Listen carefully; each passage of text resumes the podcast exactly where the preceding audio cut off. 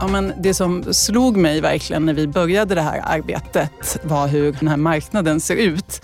Hur människor och sexuella handlingar annonseras helt öppet på öppna webbplatser. Det behövs en djup kompetens i de här frågorna och poliser behöver kunna få jobba med det här regelbundet och metodutveckla inte minst så att vi kan komma åt alla arenor.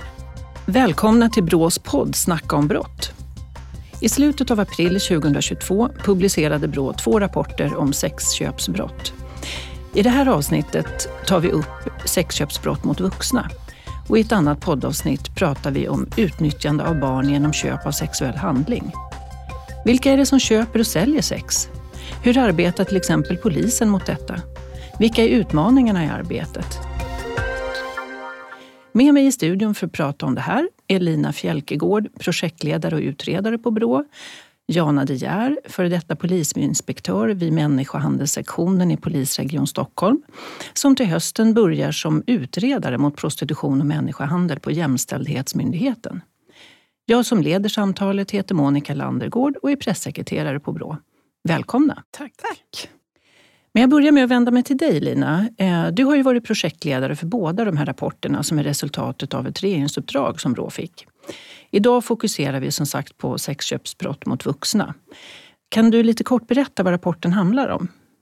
Ja, men som sagt, vi har haft ett uppdrag att följa upp eh, det förbudet mot köp av sexuell tjänst och hur rättsväsendet arbetar med tillämpningen av det. Eh, och det har vi gjort genom vi har gjort ett stort antal intervjuer. Vi har eh, följt med polisen på eh, flertal arbetspass och så har vi också eh, gått igenom ett stort, knappt eh, 300 ärenden som vi har följt från anmälan eh, till dom.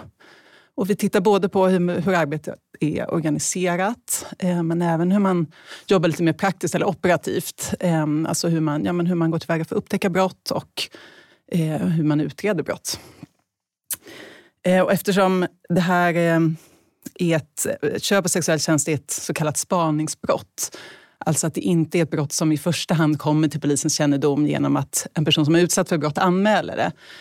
Utan att det krävs att polisen arbetar aktivt för att få kännedom om brott. Så blir det viktigt att, ja, men att studera hur, hur polisen går tillväga för att få kännedom om brott. Mm. Var det någonting du blev förvånad över när det gäller resultaten? Ja, men det som slog mig verkligen när vi började det här arbetet eh, var hur, ja, men hur den här marknaden ser ut.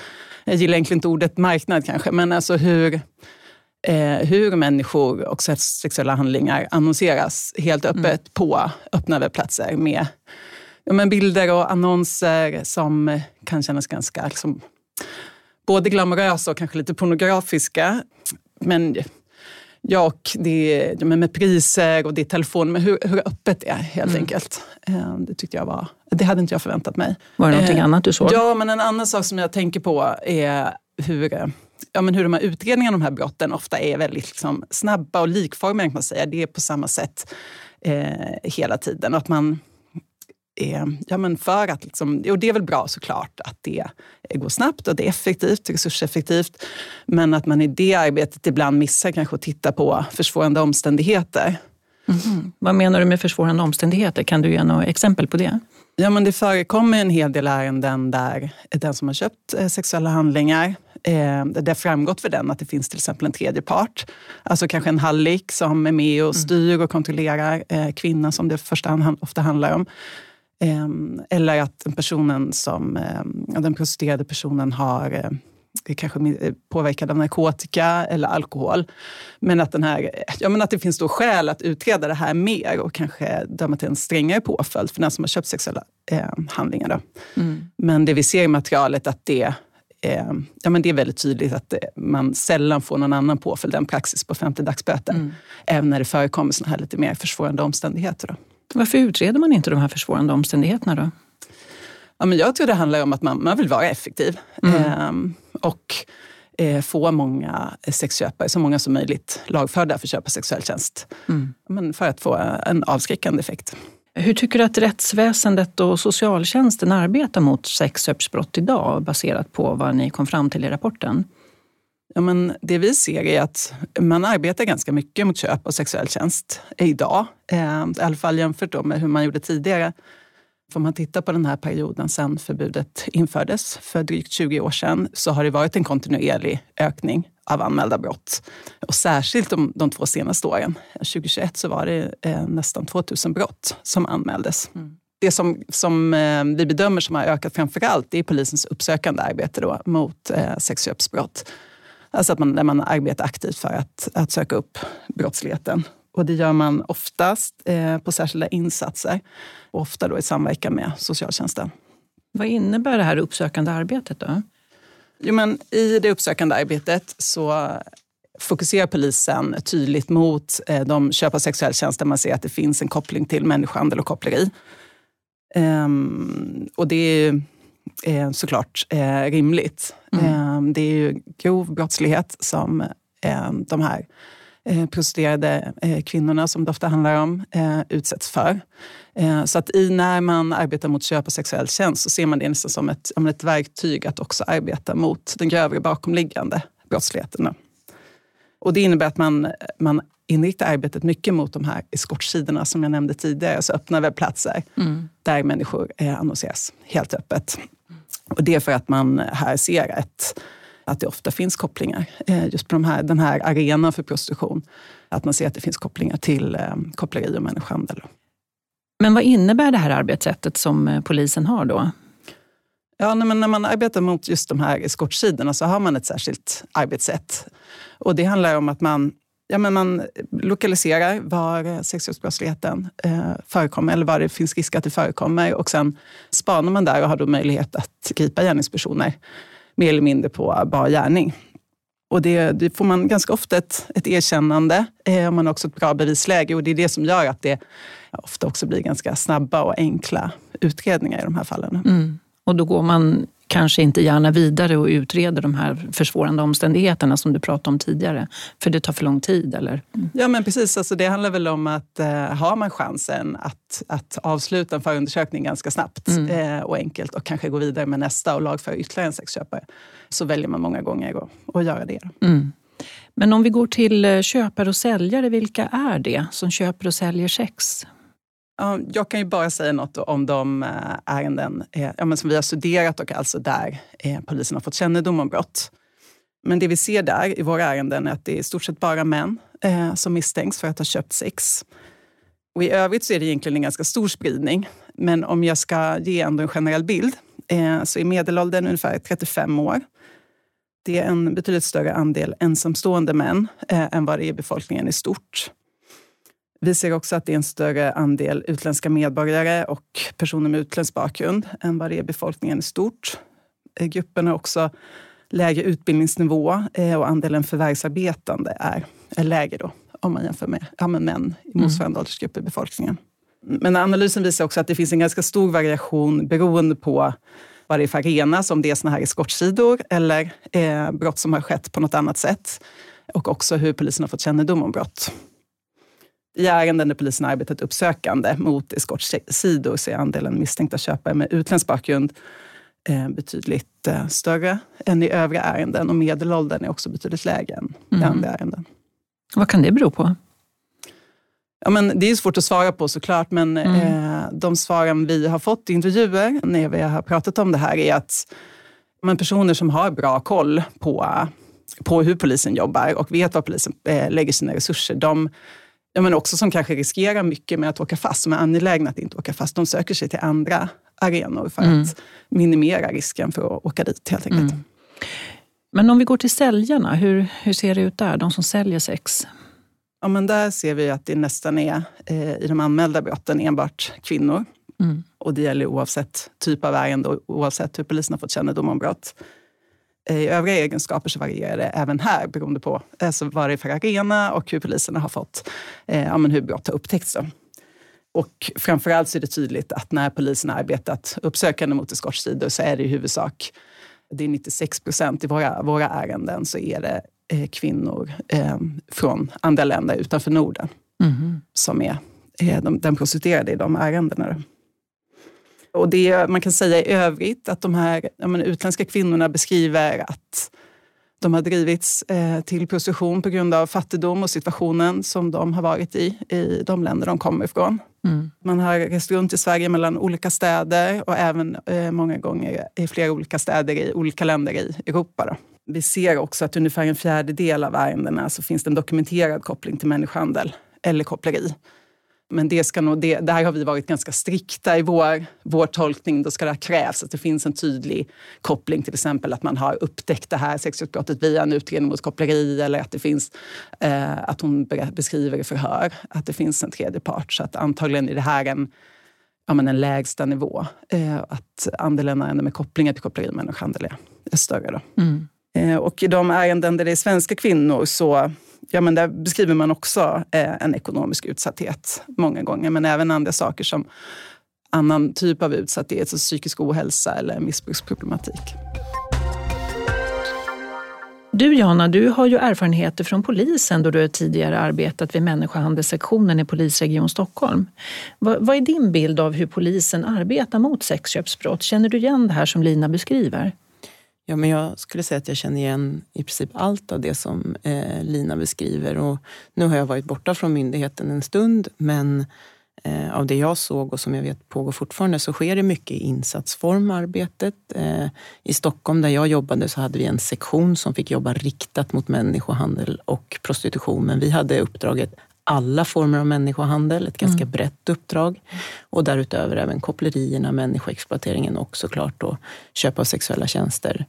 Därtill, och det som stärkte upp vårt arbete var ju just lokalpolisområdena, framförallt i city, där man såg det här i sin problembild, som började med de här initiativen som vi har sett i media framförallt. Mm. Men som just sker i, eller skedde då, i eh, insatsform och så sker det här även ute i landet. Och jag tänker på det som eh, Lina tog upp här nu med att vi missar de här försvårande omständigheterna, att de inte utreds och tänker att det har att göra med att det här arbetet skulle behöva ske mer kontinuerligt. Det behövs en liksom djup kompetens i de här frågorna mm. och eh, poliser behöver kunna få jobba med det här regelbundet och metodutveckla inte minst så att vi kan komma åt alla arenor. Och för att kunna göra det så behöver det tillsättas resurser. Det behöver sättas individer som får jobba med det här hela tiden. Mm. För det är en komplex fråga. Vad ser ni är de största utmaningarna för att kunna arbeta mot sexköpsbrott? Ja, men dels är det det som Lina nämner med att det är ett spaningsbrott. Mm. Det är otroligt sällan som vi får in anmälningar från någon som är utsatt eller befinner sig i prostitution om att den är utsatt för människohandel eller koppleri, utan vi får det här oftast via tips. Och då behöver ju vi, eh, säger vi, men polisen behöver jobba upp tipsen till mer substans och, och komma upp i någon form av skälig misstanke. Mm. Så vi är ju helt beroende av allmänheten här och ögonen och öronen som finns där ute. För trots att vi nu har 300 undersökta ärenden så kan vi ju bara genom att titta på hur många annonser som finns på de här öppna eskortsidorna förstå att vi ligger långt efter det verkliga antalet eh, begångna brott. Mm. Så vi behöver mer information, bättre verktyg för att komma åt de här dolda arenorna framför allt. För någonstans jobbar vi ju även mot andra arenor, men där behöver vi gå in på andra sätt. Vi kanske behöver starta ett ärende kring grovt koppleri eller koppleri för att komma in mot de arenor som inte syns öppet på nätet. Och det tar längre tid, det kräver också tillbaks till resurser mm. och hela tiden behöver liksom polisen jobba med metodutveckling i det här. Mm. Eh, och det gör det till utmanande. Det gör att vi får ganska få domar. Det är långa, stora utredningar oftast som tar de få resurser som faktiskt är satta på att jobba mot det här inom polisen. Mm. Och då får vi kanske inte en helhetsbild utan vi får ett bevis på hur mycket polisen prioriterar och har möjlighet att jobba mot mm. det här, inte den faktiska problembilden. Vad ser du Lina, största utmaningen är att arbeta mot sexköpsbrott? Ja, men jag tycker Janne ger en bra beskrivning, men jag vill även passa på att särskilt kanske nämna massagesalonger eller kroppsvårdssalonger, för det är någonting som nämns väldigt mycket i stort sett alla våra intervjuer som en, ja, men en arena där det förekommer mycket, både alltså köp av sexuell tjänst såklart, eh, men också grövre, grövre bakomliggande brottsligheter men som vi egentligen inte ser alls mycket i de anmälda brotten som vi har tittat på. Så, och det är en typisk arena där det, är, där det är svårt när man behöver arbeta med metodutveckling. Men, och det är ju för att det mycket, göms mycket bakom en, ja, en legal verksamhet. Eh, och då är det svårt mm. eh, både upptäcka och utreda, hitta bevisning. Mm. Och jag delar helt din uppfattning där och det som min erfarenhet var när jag var kvar inom polisen var att där behövde vi jobba mot ja, men aktörerna bakom och oftast blev ingången istället människohandel eller grova kopplerier. Och tyvärr eh, blir själva sexköpsbrotten i de utredningarna, det blir ett, ett led i bevisningen men det blir inte den huvudsakliga uppvis, eh, mm. uppgiften att bevisa. Så alla de sexköp som har begåtts på de här salongen lagförs ju tyvärr inte utan de rationaliseras bort i eh, förundersökningsprocessen och försvinner i, eh, under den utredningens gång. Så jag skulle säga verkligen det du säger, där har vi inte en beskrivning som faktiskt speglar verkligheten utan mm. snarare hur vi jobbar mot mm. de salongerna. Det är andra typer av brott menar du Jana, som, som liksom är, väger tyngre då? Ja men precis, som om, man går, om polisen går in mot ett grovt koppleri i ett sånt mm. ärende så kommer inte varje eh, sexköpsbrott som vi ser under spaningen lagföras av utredningsekonomiska skäl helt mm. enkelt. Och det är en avvägning som åklagaren gör tillsammans med eh, ja, men, utredningsteamet inom polisen. Så jag skulle säga att just avseende de här salongerna så, så vet vi att det pågår och vi, det pågår också mycket metodutveckling kring hur ska vi komma åt det här. Mm. Eh, där det finns olika sätt att jobba mot det här runt om i landet inom polisen. Det behöver kanske likriktas så att alla kan använda samma metoder och så mm. vidare. Mm. Så eh, det är en stor fråga, mm. absolut. Jag tänker på att det vi, det vi skriver i rapporten där är också att det är klart att man av utredningsekonomiska skäl måste, alltså man måste kanske prioritera. Men det är viktigt att man i de här fallen med massagesalongerna också går mot de enskilda eh, köpa sexuell tjänst för att få den här avskräckande effekten. För att men, inte de som vet vad, hur polisen jobbar kan välja en arena där man bedömer att risken är minimal och åka fast. För då kommer man ju fortsätta gå till de arenorna och vi måste gå mot efterfrågan. Mm. Eh, och då behöver man risken att åka fast måste upplevas som tillräckligt stor för att man ska undvika det. Och jag håller helt med dig.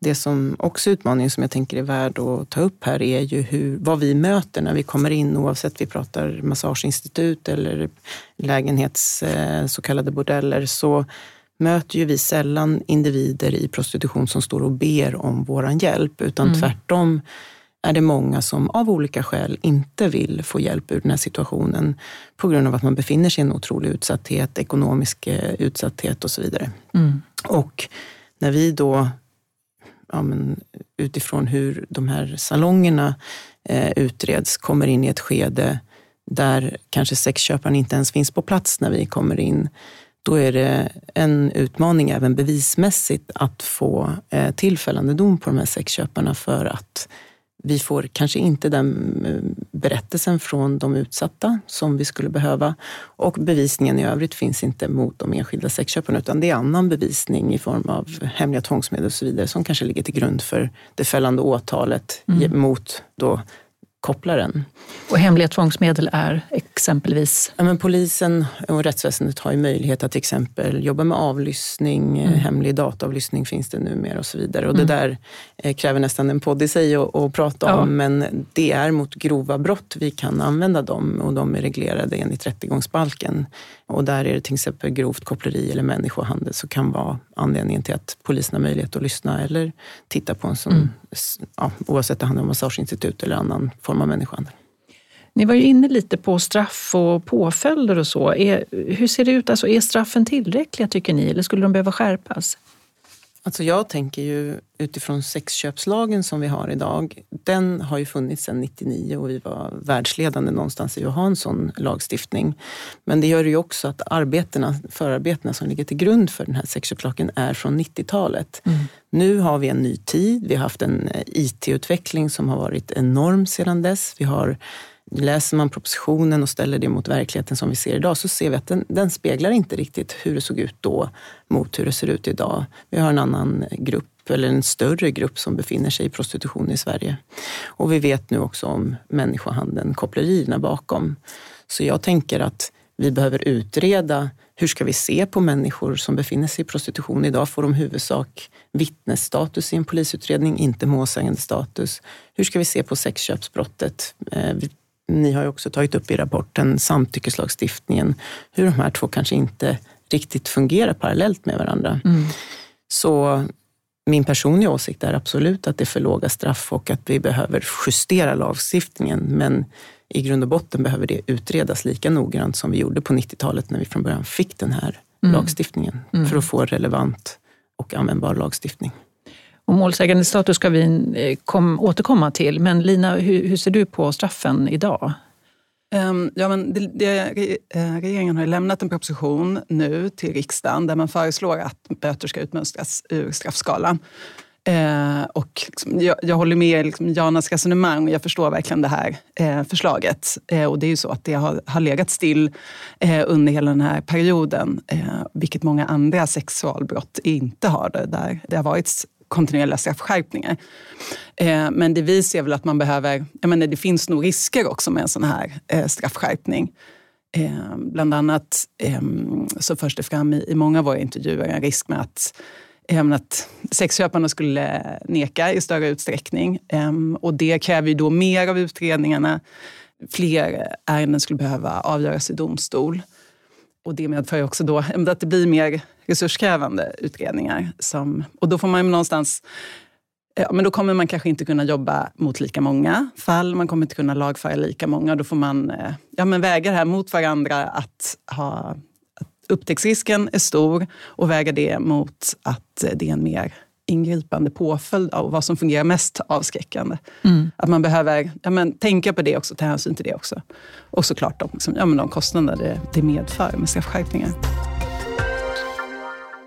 Om vi ska återkomma till det här om målsägande status som du pratade om Jana. Du får gärna förklara vad det innebär och samtidigt kanske också beskriva vilket stöd de som befinner sig i prostitution kan få.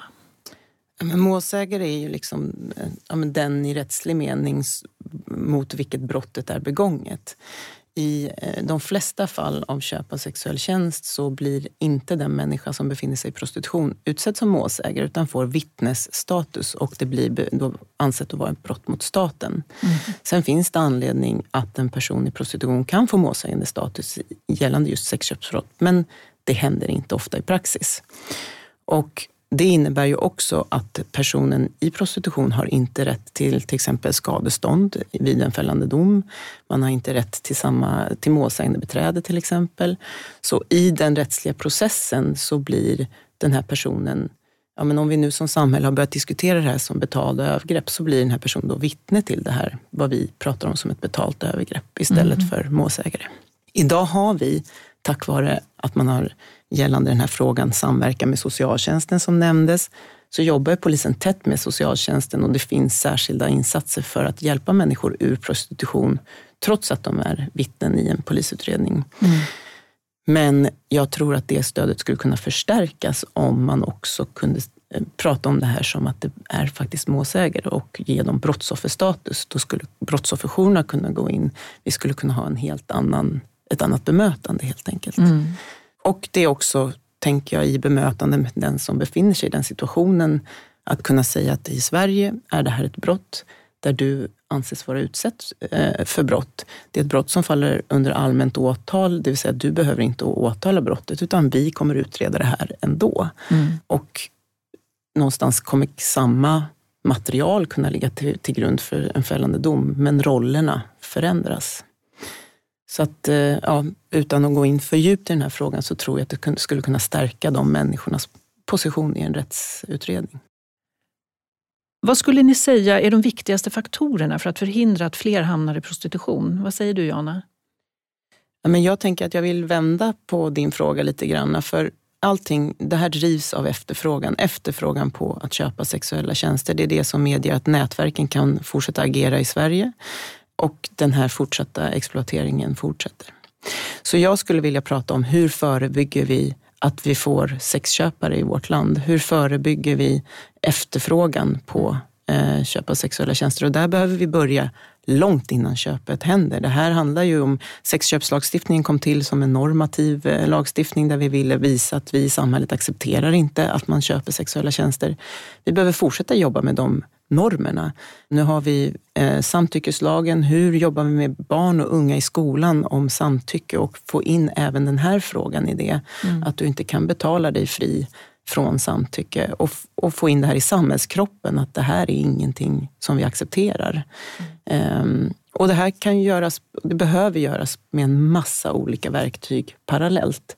Där vi bland annat kan prata straff, men vi behöver också prata om värderingar och normer, tänker mm. jag. Hur jobbar man med normer? Det sker ju hos oss, i oss varje dag. Mm. Där försöker jag någonstans ingjuta hopp i alla, att vi faktiskt alla kan göra en skillnad i den här frågan. Att den inte bara ligger i politikernas famn eller hos polisen eller socialtjänsten, utan att du och jag i samtal med de som finns runt omkring oss faktiskt kan diskutera det här och vända och vrida på hur vi ser på andra människors rätt till sina egna kroppar. Mm. Vad tänker du Lina? Nej, men jag tycker det är jättebra. Jag tänker också att eh, vi alla kan göra mycket eh, hela tiden. Och det här breda förebyggande arbetet är såklart grunden. Men jag vill ändå liksom lyfta också rättsväsendets eh, roll och att, menar, att arbeta är mot sexköparna för att avskräcka. Och då blir det både normbildande men också rent liksom, faktiskt avskräckande. Att man i Sverige så får man inte köpa eh, sexuella handlingar eh, av andra människor. Och gör man det så riskerar man att åka fast. Och då krävs ett kontinuerligt arbete som vi har pratat om eh, på alla nivåer och mot olika, flera olika arenor för att köpa sexuell tjänst. Det får bli de avslutande orden för idag. Jag vill tacka Lina Fjälkegård, projektledare och utredare på Brå och Jana Diar, före detta polisinspektör vid människohandelssektionen i Polisregion Stockholm, för att ni bidrog med er kunskap idag då vi pratade om sexköpsbrott mot vuxna. Tack så mycket. Tack. Och jag som ledde samtalet heter Monica Landegård och är pressekreterare på Brå. Ett annat av Brås poddavsnitt handlar om utnyttjande av barn genom köp av sexuell handling.